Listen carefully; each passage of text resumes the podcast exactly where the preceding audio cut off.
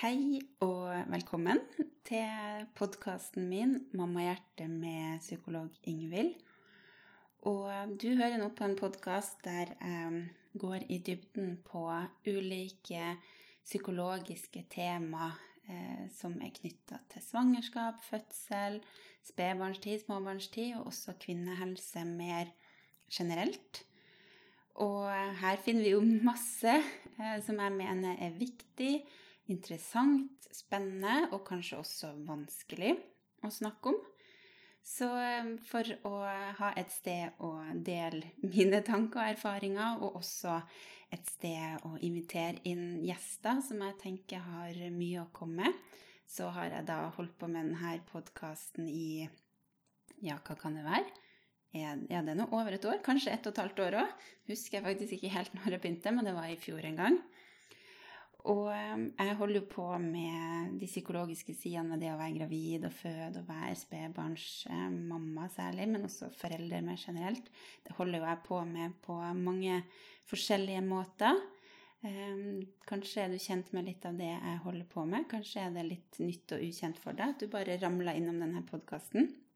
Så jeg tenkte bare jeg skulle dele eh, kjapt om eh, det jeg gjør, da, sånn at du vet hvem som sitter her i, i andre enden. Jeg er jo psykolog, har jobba som det i 12-13 år nå, kanskje, hvis jeg husker riktig igjen. og eh, forsker på eh, fødselsopplevelser, traumatiske fødselsopplevelser da spesielt, og, og psykologisk oppfølging etter, i etterkant av det. Så driver jeg Klinikk Partum, som er en psykologklinikk spesialisert på på de her temaene. Kvinnehelse, svangerskap, fødsel, spedbarnstid. Og der har jeg samla en fin gjeng på Nå er vi vel en elleve stykk. Um, andre engasjerte psykologer som har særlig kompetanse på det her. Og vi har kontor flere steder i landet og jobber også um, digitalt, sånn at vi kan være tilgjengelige uansett hvor, hvor folk bor, og på ulike tider av døgnet. Ikke på natta, men ellers så har vi faktisk psykologer som, som er tilgjengelige både på kveld og helg.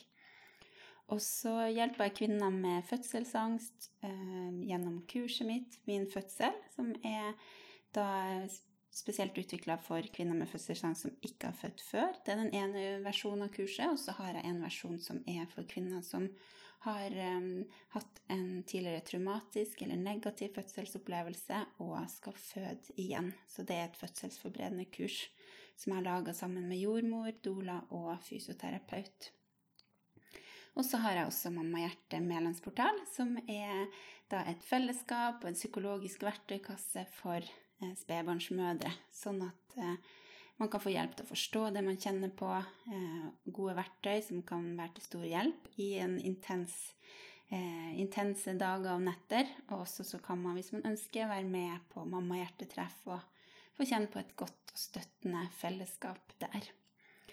Så det var litt av det jeg holder på med, i tillegg til at jeg holder ulike kursforedrag, deler en del på Instagram, og også holder på med denne podkasten min. Så tusen takk for at du hører på eh, i dag. Og temaet som eh, jeg har lyst til å gå litt inn i, eh, det er det her med å være partner, altså pappa med mamma, og ha opplevd fødsel eh, av barnet sitt som en veldig krevende og kanskje traumatisk opplevelse. Og grunnen til at det ble det her temaet i dag, det var for at jeg fikk faktisk et ønske om det fra ei som følger meg på Instagram, og som, som ønska seg det.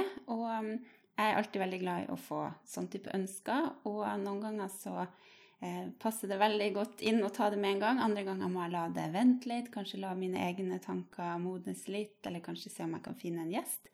Eh, men akkurat i dag så passer det veldig og eh, for meg å sette meg ned og dele mine tanker rundt det her. Og som alltid, det er eh, sammensatte tema, store tema jeg tar opp, sånn at når du hører på denne episoden, så vil du få en, en, liten, en liten bit av det. Men jeg håper likevel at den biten kan være eh, betydningsfull og ha, ha verdi. Så ja, det å være nybakt pappa eller medmamma og sitte igjen med mange krevende tanker, følelser, reaksjoner, minner fra fødselen, det er nok vanligere enn folk flest tror. Det, vi vet faktisk fra forskning at forekomsten av traumatiske fødselsopplevelser er faktisk lik når det da gjelder kvinner som har født sjøl, og da partnere. Sånn at det er ikke sånn at det er kun fødekvinner som har lov til å sitte igjen med den typen ettervirkninger. Det er viktig for meg å understreke, fordi de partnerne jeg har hatt kontakt med i alle mine år som psykolog, de, mange av dem har kjent på det at uh, det føles liksom ikke helt, uh, helt lov. Man har ikke lov Man har liksom Man har jo ikke født sjøl engang, så hvordan kan jeg være så prega av det her? Man har, føler kanskje at man ikke har helt lov til å ta plass med seg og sitt. Fordi man er ikke hovedpersonen her i, i si, historien. Eh, og det kan man for så vidt på en måte si ja, det er jo, det er jo sånn. Altså at det er eh, veldig mye fokus på babyen, og så kommer kanskje mammaen på en god andreplass. Og så er man litt sånn Hvor, hvor, hvor er jeg, da, som, som, partner i det her? Og um, for meg er det i hvert fall viktig å understreke at du som partner er også viktig, og hvordan du har det, er viktig. Så om det er rett etter fødselen, eller om det er når det blir snakk om å kanskje eh, prøve å bli gravid igjen, eller man er gravid igjen, venter barn igjen, og man tenker på det å skulle gå gjennom en ny fødsel. Så hvis det her er ting som er vanskelig, så er det et signal, tenker jeg, på at eh, det er viktig å ta seg sjøl på alvor og finne ut av hva, hva trenger og hva kan være til hjelp for meg. For det, det, er ikke sånn at du som pappa eller medmamma skal gå og prøve å dytte her unna, eller bagatellisere det, må si fortrenge det, fordi at du eh, ikke har lov til å, være prega, eller at du er unormal som er prega. Um, at det er helt naturlig, tenker jeg, uh, å, uh, å sitte igjen med denne typen uh, ettervirkninger hvis det har vært en, en voldsom opplevelse. For um, det å, å, å, se noen man er så glad i, som man er da, i partneren sin, og da det barnet som er i ferd med å bli født, og da liksom, bli, få sterke følelser underveis, sterke, vonde tanker, det er heftig. Så vi, vi skal ikke eh, vi skal ikke bagatellisere det, Um, Sjøl om man da ikke, sant, ikke er verken fødekvinne eller barn. Det er viktig for meg det her fordi at den skammen, sjølkritikken, eh, følelsen av å være den eneste eller unormal, det er litt sånne sekundære reaksjoner, eller tanker, da, eh, som man gir seg sjøl, som gjør det verre å bære denne vonde fødselsopplevelsen. Da får vi det på en måte dobbelt vanskelig. Ikke bare har vi ikke sant, den intense frykta, f.eks., som, vi, som ikke har sluppet taket etter fødselen, og vi går rundt og kritiserer oss sjøl for å ha den frykta. Så da er det noe med å, å prøve å få vekk den her eh, kritikken som ligger i det, for å kunne gå inn i frykta og se hva kan gjøre det lettere for meg, og at den slipper taket. Hvis det viser seg å være en, en utfordring man har i etterkant, da. Skal prøve å forklare det her litt, eh, litt nærmere. Um, men hvis, det er mange ting som jobber litt imot da, det å være en eh, partner med en traumatisk fødselsopplevelse. Um, litt det som jeg allerede har nevnt, men også det at hvis du er pappa, da så Det her med å, uh, å, å være psykologisk prega på noe vis, det, det, kan jo mange oppleve som går litt sånn i strid med det, det maskuline, det å være sterk, uavhengig. At man kanskje har man tanker om at man har svikta sjøl. Jeg skulle liksom ha vært eh, mer rolig, uberørt under fødselen enn det, det jeg var. Og kanskje opplever man eh, i liten grad å få eh, omsorg, støtte, forståelse fra, eh, fra, folk rundt i etterkant av fødselen. Det kan jo handle om at mye fokus er på babyen. Og det er det jo mange kvinner som kjenner på, at deres psykologiske eh, tilstand og velbehag og, og kom, på en måte kommer i skyggen for at alt fokus er på babyen. Men som partner så kan man kanskje enda mer kjenne det hvis man har det vanskelig. Fordi at det er, det er ikke der blikket rettes mot, og folk Ja, det kan være sant, familie, venner. Det kan også være eh, ikke sant, de opplever det på helsestasjonen eller sånn. At, at ingen som spør liksom Ja, hvordan Hvordan ble det her for deg underveis i fødselen, og hvordan, eh, hvordan har du hatt det nå i ettertid? Kanskje er det noen som opplever å, å bli uh, spurt og på en måte integrert i samtalen på, på sykehuset, eller i noen form for oppfølging etterpå. Men, men jeg vet også at mange eh, ikke ikke bli møtt med det, det blikket og det altså varme, omsorgsfulle, forståelsesfulle blikket, og kanskje da den samtalen som man kjenner at man trenger, der man får satt ord på det man har opplevd, eh, kanskje spurt spørsmål hvis det er ting man har vært usikker på, få en forklaring på hvorfor ting skjedde, og hvorfor ting ble gjort sånn som det ble gjort, og få lov til å sette ord på følelsene, tankene man hadde, sånn at man får hjulpet seg sjøl i, i, den bearbeidinga av det man har vært igjennom. For det er jo egentlig det som er mitt budskap, da. ikke sant? Hva, hva, hva trenger man etter å ha vært gjennom en, en uh, veldig vanskelig fødselsopplevelse? Jo, man trenger å få bearbeida det. Og det har jeg snakka litt om i andre podkastepisoder. Det gjelder jo også for, for deg som er partner. Eh, det har gått litt inn i hva Når man som psykolog sier bearbeiding, hva, hva, mener, hva mener, man egentlig da? Um, så, så, det er viktig. Det er det som, som, jeg nevner der, og som gjelder for kvinner. Det gjelder også for, for partner, da. Så, så liksom, hvordan eh, Hvorfor og hvordan kan man være prega som partner av av fødselen man har vært med på.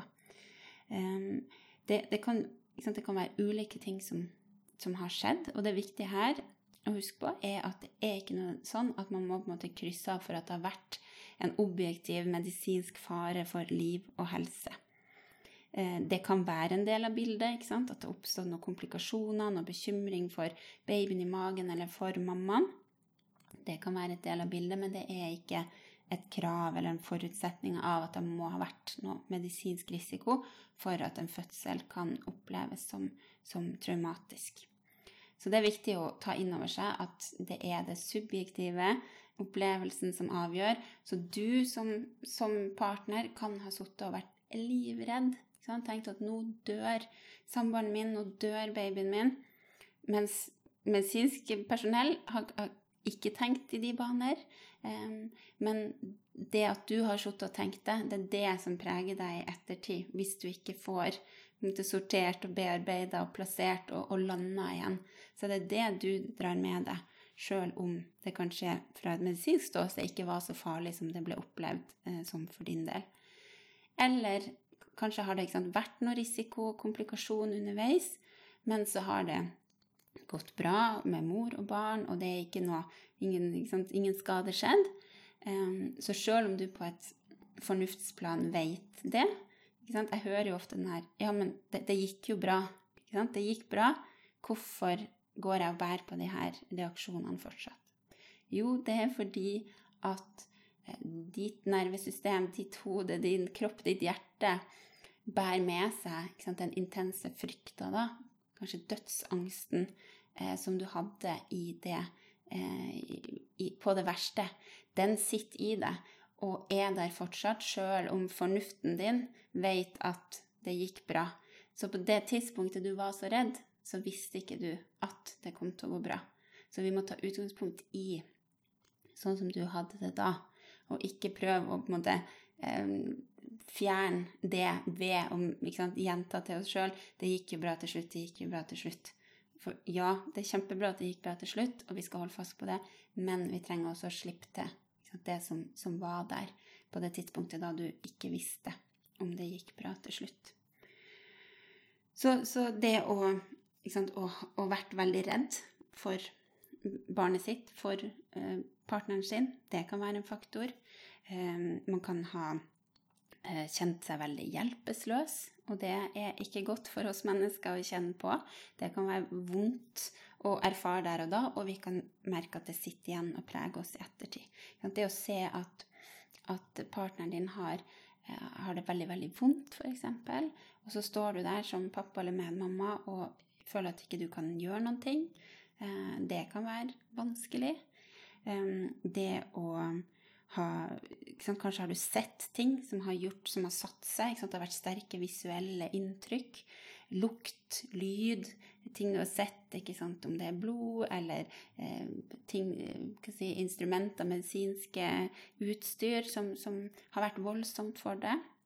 Det kan, kan påvirke.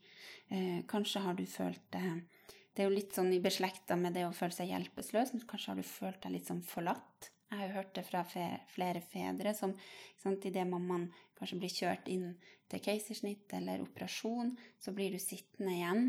Eh, og bare den intense følelsen av å være alene kan, kan sitte igjen. Eh, eller kanskje har du følt deg helt overvelda hvis babyen er født. Kanskje må mammaen eh, ha noe operasjon i ettertid, og så får du da en liten baby som du ikke aner hva, hva du skal gjøre med. Eh, og egentlig kanskje kjenner du på en, et krasj av følelser. Du er kjempeglad og letta for at du har babyen din her, men så er du redd for, for mammaen, og hvordan går det med henne. Eh, du kan ha følt deg i veien, eller du kan ha kjent, følt deg krenka. Kanskje har det blitt sagt ting eh, som har vært retta mot deg, som, du, som, har truffet deg sårt. Da tenker jeg av, av helsepersonell involvert, som har vært ubetenksom eller ikke har helt lest deg på den måten som du har trengt å, å bli lest og forstått, så har ting truffet hardt. En kommentar eller noe sånt truffet deg veldig sårt i en, i en veldig, når du har vært i en veldig sårbar um, situasjon. Så ja, i det hele tatt det, det, det, det, er mange ting som kan prege oss. Og, og det, er ikke sånn at jeg har tenkt å gi noen liste her, for den lista finnes ikke. Det viktigste er at du som partner spør deg sjøl Liksom, hva, hva, kjente jeg egentlig underveis der? Hva tenkte jeg? Og, og hvordan preger det her meg eh, videre? Og ofte så er det ikke så mye som skal til, eh, men det å få letta på, på trykket, da. For det, vi mennesker er jo laga sånn at hvis vi skal drive og holde vonde minner unna, eh, holde følelser ned, så bruker vi ganske mye krefter på det. Og vi kan oppleve at det nesten virker mot sin hensikt, da. For vi sant, de, de, klassiske traumesymptomene som man kan ha i etterkant av voldsomme opplevelser der man har vært i fare, eller noen man er veldig glad i har vært i fare, eller man har oppfatta at noen har vært i fare, og da ikke bare eh, medisinsk, altså liv, fysisk liv og helse, men også mer psykologisk fare. sant, At man har eh, opplevd at, eh, at, man har vært i risiko for å, å bli, bli krenka eller forlatt vært avhengig, følt seg i en veldig hjelpeløs tilstand, enten du sjøl eller, eller um, fødekvinna eller barnet deres, så, så, preger det her oss ofte i ettertid på litt sånn fire, fire hovedmåter. Da.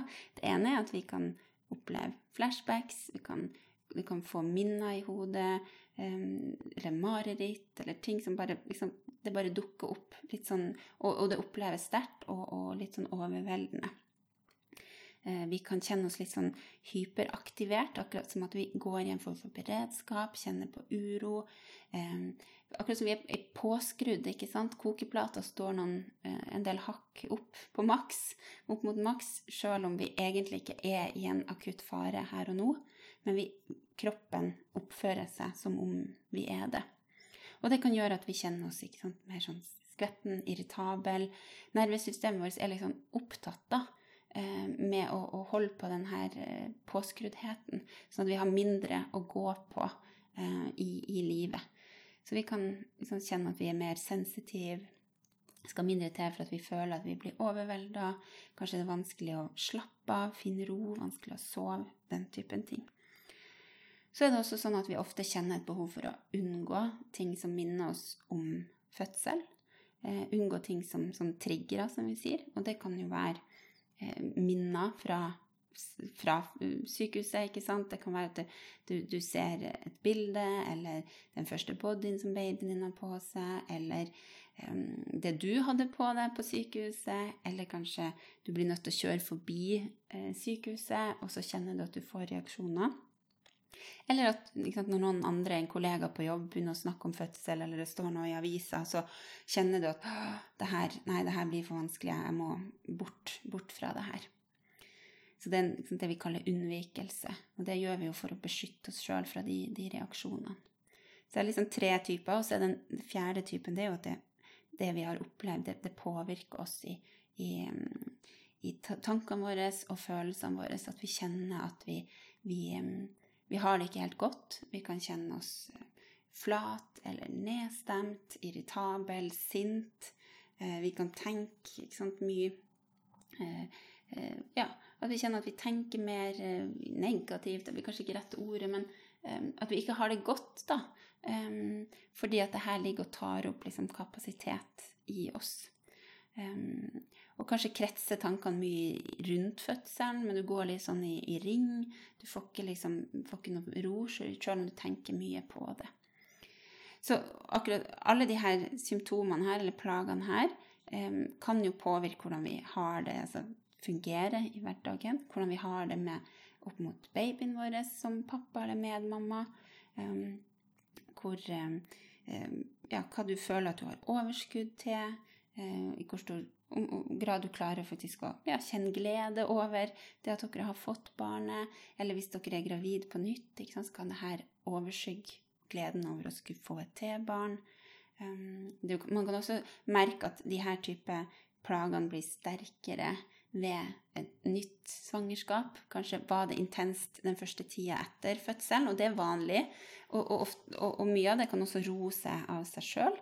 Men hvis det henger ved i ja, over en måneds tid, så, så, tenker vi at da, da er det eh, da, da, er det ting man Og for så vidt på et tidligere tidspunkt òg tenker jeg at man skal ta tak i fødselsopplevelsen.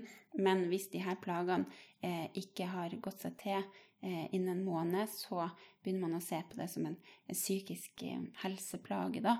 Og i, i, noen tilfeller så tenker man jo at det er snakk om posttraumatisk stresslidelse, PTSD. Eh, og det en del ting man kan gjøre for å, for å hjelpe seg sjøl i denne prosesseringa og bearbeidinga før det har gått en måned, da, sånn at um, at man får eh, plassert, plassert det her på en måte sånn det blir en del av egen livshistorie uten at det preger og påvirker på denne veldig krevende eh, måten, da. Men det er aldri for seint, tenker jeg, eh, om sant, det har vært unntakstilstand etter at babyen har født. Det kan jo handle ikke bare om fødselsopplevelsen, det kan jo også handle om barseltida, hvis det har vært utfordringer der.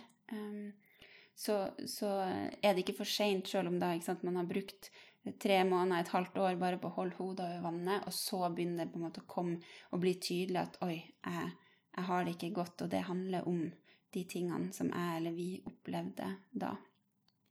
Eller hvis det dukker opp igjen eh, når det blir snakk om et nytt svangerskap, en ny fødsel, så er det ikke, er det ikke for seint. Og så er det ikke sant, noen har mange av de her ulike symptomene. Um, noen har litt. Um, noen kan dele sant, opplevelsen med partner, at man begge har opplevd det her som vanskelig og traumatisk. Eller at man som pappa med medmamma kjenner at jeg er faktisk mer prega enn det hun som fødte sjøl er. Det kan også være. Og det er heller ikke et argument imot at du ikke har lov til å, å være prega, da. Og det som er viktig, tenker jeg, er jo at, å være klar over at, at det er ikke alle rundt omkring, og det gjelder jo folk flest, men også fagpersoner som, som, har så mye erfaring med traumatiske fødselsopplevelser, traumesymptomer, PTSD relatert til fødsel. Selv om det er i Norge ikke sant? Norge ikke sånn grovt regna kommer an på hvor mange som føder, og litt sånn uh, hvordan tall man legger til grunn. Men i Norge så er det rundt et par tusen kvinner hvert år som, som um, utvikler en, en uh, traumeproblematikk etter, etter fødsel. Og hvis vi legger til grunn at forekomsten er nesten like høy blant partnere, så snakker vi ganske mange tusen da, i, i året. Så bare husk på det at du, du er ikke alene eh, om det her. Men, ja, og poenget mitt var at man kan også bli litt misforstått, og kanskje særlig som, som partner, og særlig hvis man er pappa, da, en mann, eh, så kan jo måten man bærer det her på, måten det vises på utsida, eller man uttrykker det, eh, blir misforstått. Vi vet at um, en del som egentlig har traumesymptomer etter fødsel, blir opp, um, oppfatta som at de har en fødselsdepresjon. Og det kan man utvikle etter, uh, i, i, etterkant av fødsel. Og særlig altså er risikoen høyere hvis fødselen har vært traumatisk. Men eh, man, så man kan ha en fødselsdepresjon og en traumatisk fødselsopplevelse. Eller man kan ha en traumatisk fødselsopplevelse uten å ha en fødselsdepresjon. Men det viktige er i hvert fall at, at det blir fanga opp, at man sjøl skjønner, eller dem rundt, helst begge deler, skjønner at det her handler om, om traumereaksjoner etter fødsel. At det trenger man å jobbe med på en litt annen måte enn hvis det er en depresjon eh, der fødselsopplevelsen ikke eh, har spilt den, den rollen, da. Så ja. Det, det her deler jeg jo for at jeg dessverre vet at en del som kanskje har skjønt at 'oi, jeg har det ikke bra, jeg trenger hjelp', opplever kanskje å ikke bli helt forstått eller møtt riktig. Så det er viktig å ikke, ikke gi opp, eh, sjøl om man kanskje ja, tar det opp med en fagperson i en, sammenheng, om det er fastlege, helsestasjon på sykehuset, andre kontekster, og så opplever man at man ja, at det her ikke blir helt riktig. Så ikke gi opp. Prøv å, prøv å finne, finne, noen andre. Um, så og ja. Så hvis, hvis man da sant, som partner kjenner at fødsels-barselopplevelsene preger meg, så er det første steget han har vært gjennom her, sant, å, å, gi seg sjøl aksept og anerkjennelse for at det faktisk er det som foregår. Um, ikke Ja, prøv å ikke kritisere seg sjøl. Prøv å utforske det her, da blir liksom steget videre. Um, utforske hva, hva, hva, var det jeg opplevde, hva skjedde? Ofte er vi så opptatt av det her på et mer sånn hendelsesnivå. Ja, vi kom til sykehuset da, og så skjedde det, og så skjedde det, og sånn og sånn. Og det er ett nivå av fortellinga. Men når vi tenker på det psykologiske her, så må vi dypere. Vi må ned i Ok, eh, når det skjedde, hva tenkte du da? Hva følte du da? Eh, hvordan hadde du det i kroppen din? Og nå når du tenker på det nå, hva tenker du da? Hva føler du nå? Hva, hva kjenner du i kroppen din? Så at vi får opp de her reaksjonene, sånn at det får gått seg noen runder gjennom kroppen, nervesystemet vårt, og vi får utforska det, sånn at vi ikke er redd for hva som ligger her. Vi er godt kjent med de her reaksjonene, og vi kan også begynne å sortere. For eksempel da, hvis eh, det å eh, bare ja, kom på et eksempel Jo, hvis, hvis du som, som, partner da har blitt eh, sittende på, på, gangen utenfor operasjonssalen når samboeren din med babyen i magen har blitt kjørt av gårde dit for, for et hastekeisersnitt med narkose, og du som partner ikke får komme inn sant? den, Det å slippe til den enorme hjelpeløshetsfølelsen, eh, få satt ord på det, forstå at det er det du kjenner på um, f.eks. i det daglige når babyen er fem måneder, og, og, mammaen har lyst at du skal passe babyen deres sånn at hun får tatt seg en dupp eller en tur ut av huset, så kanskje du blir overvelda av en intens frykt og syns det er veldig skummelt å ha eh, passe på babyen alene og ha det ansvaret. Um, så, som kanskje føles rart. Ikke sant? Hvorfor får jeg denne reaksjonen? Jo, så kan du sant, etter en utforskning finne ut at å ja, det er fordi at det vekker den følelsen eh, jeg fikk da jeg satt der på gangen. Eh, og den, den, den redselen som da kommer i meg, den handler om det som skjedde da. Det er ikke det at jeg eh, ikke er i stand til å ta vare på babyen min nå, men jeg følte da at jeg ikke var i stand til å ta vare på samboeren min og babyen vår. Jeg følte at jeg svikta. Eh, jeg følte meg mislykka. Jeg følte meg helt fortapt i verden. Den typen ting. Så i en sånn utforskning så vil man kunne se sånne koblinger. Man kan sant, få større forståelse og omsorg for seg sjøl i den situasjonen der du satt på gangen. Sant, og gi seg sjøl eh, faktisk litt i, i retrospekt, da, i ettertid, litt omsorg og trøst. Den omsorgen og trøsta du egentlig skulle ha fått, ikke sant, ideelt sett der, så skulle du ikke ha sittet alene på gangen. Eh, men alle helsepersonell var opptatt Kanskje var de ikke så ikke de, Det her er en del av hverdagen deres. Kanskje de ikke var så bevisst på at liksom, det her var voldsomt for deg. Kanskje hadde, eh, hadde, de ikke tid, eller tok seg ikke tid til å, å informere deg før, under, etter. Eh, sånn at, og det å gjøre sånn type utforskning og forstå at ok, eh, det, det, var kanskje ikke sant, det var ikke helt bra. Sånn skulle det ikke ha vært. Ideelt sett så skulle det ha vært sånn og sånn. Og det har spilt inn på hvordan det var å være deg da og i ettertid. Og forstå hvordan det har påvirka deg, og kjenne igjen de her reaksjonene. Og også prøv da ikke sant, å, å fortelle kroppen din, hodet ditt, hjertet ditt, alt at det går bra. Jeg, kan, jeg kan øve opp um, mer trygghet nå, til at jeg kan passe på barnet vårt fordi nå vet jeg hvor de følelsene kommer. Jeg vet hva, hva trenger jeg når det dukker opp. Jo, jeg puster godt. Jeg setter meg ned i sofaen. Jeg ser meg rundt. Jeg ser at vi er i leiligheten. Jeg er trygg. Jeg ser på babyen min og ser at jeg er kjempeglad i han eller hun. Og det her, eh, det her går bra. Men jeg hadde da sant, 30 minutter eh, den dagen du ble født, der jeg tenkte at det her ikke går bra. Og jeg følte meg helt, helt hjelpeløs. Men det var da. Ja, så det eh, Ja, som du hører, så når jeg går inn i sånne eksempler, så, så, så blir det jo veldig Det blir levende for meg, fordi jeg vet at det her er, er situasjoner som mange eh, nybakte fedre, mødre har vært i, eh, og jeg vet at det, det skjer forskjellige sånne varianter av sånne her intense opplevelser som blir litt glemt, da. Eh, og som bidrar til at man kanskje får det verre enn hvis man hadde blitt sett og møtt på det her. For det er jo også sånn ikke sant, med svangerskapsoppfølging, så er det jo, det er jo fokus på, på mor. Um, og, og, mange steder er det jo knapt med ressurser til oppfølging av mor. Og særlig når det gjelder det psykologiske ved det å være gravid og skulle føde. Og så på en måte drypper det enda mindre da, på, på partner. Så det her med utforskning, bearbeiding, det har jeg snakka om i, i, andre episoder som jeg kan anbefale å høre på. Um, der man kan ikke sant, eksponere seg sjøl. Eh, man kan oppsøke ting som minner om fødsels-barselstida. Slippe til reaksjonene uten å bli redd, uten å prøve å undertrykke. Eh, finn gode strategier til å eh, regulere seg sjøl ned. Fordi traumereaksjoner det handler jo om reaksjoner der vi har vært overvelda. Vi har vært utafor det vi kaller toleransevinduet vårt. Den sonen med liksom aktivering i kroppen vi, som vi føler at vi tåler. Vi henger sammen, vi hode, kropp liksom spiller på lag.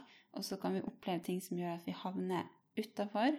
Enten at vi liksom blir over, at vi blir helt overvelda på den måten, eller at vi havner litt under. At vi kobler oss av, liksom går litt i den her frysmodusen. Eh, og, og, når vi da gjenopplever, så handler det jo mye om å og prøve å hjelpe seg sjøl inn tilbake i, i toleransevinduet. Ja. Jeg kunne ha snakka mye om det, men jeg håper her, eh, denne episoden i dag blir, eller har blitt for deg som hører på, en, en start eh, på det å skulle gi seg sjøl et blikk, både fra seg sjøl, men også fra partner, eller liksom be om um, be om støtte på helsestasjonen. Helsestasjonen skal være der for ikke bare for babyen, mange som tror det, at det er stedet man drar og får sjekka babyen sin og får stempel eh, på det. Eh, men helsestasjonen skal også være der for foreldre og for foreldres si, fungering som foreldre, men også foreldres eh, egen eh, psykiske helse. Eh, det, helsesykepleier skal ideelt sett være en person som har tid og mulighet og kompetanse til å, å møte um, nybakte foreldre med den typen utfordringer også. Og som også skal være godt kjent med hva som finnes av tilbud lokalt. For der er det store forskjeller. Noen steder kan man få psykologtimer tilknyttet helsestasjon, andre steder ikke. Eh, men kanskje finnes noen andre typer oppfølging man kan få. Så, så det å, hvis man kjenner at det, det, her er noe jeg trenger liksom hjelp til å ta tak i, så vil jeg absolutt anbefale å benytte helsestasjonen til det. Um, og så håper jeg også at det jeg delt i episoden her og i andre sammenhenger kan, kan være til, til, hjelp. Og um, som nevnt så driver jeg jo Klinikk Partum. Der eh, jobber det mange psykologer med gode forutsetninger for å være til støtte og hjelp rundt sånne her type, type utfordringer. Og med det så tror jeg jeg runder av. Jeg kikker på huskelappen min. Jeg lager meg sjelden manus, men jeg bare noterer ned ting jeg har lyst til å, å komme, komme, innom. Jeg tror jeg har vært innom det meste. Og kommer jeg på noe mer, så lager jeg en, en ny episode. Så ta en kikk på de andre episodene. Kanskje finnes det noe der som kan være fint og viktig å lytte til. Har du eller dere noen forslag til tema, så send meg gjerne en e-post på ingvild med to l-er, krøllalfa mammakurs.no. Og så er det jo kjempefint hvis du trykker på følg eller subscribe, så um, får du også varsel når jeg legger ut nye episoder. Takk for nå, Og så håper jeg vi høres igjen. Og ta vare på deg sjøl, enten du er mamma, pappa, medmamma eh, til én eller flere, eller skulle ønske at du var det, så vær, vær grei med deg sjøl. For dette er en intens periode i livet der eh, vi møter på nye ting. Masse fint, men også en del ting som kan være ganske så krevende. Ha det godt.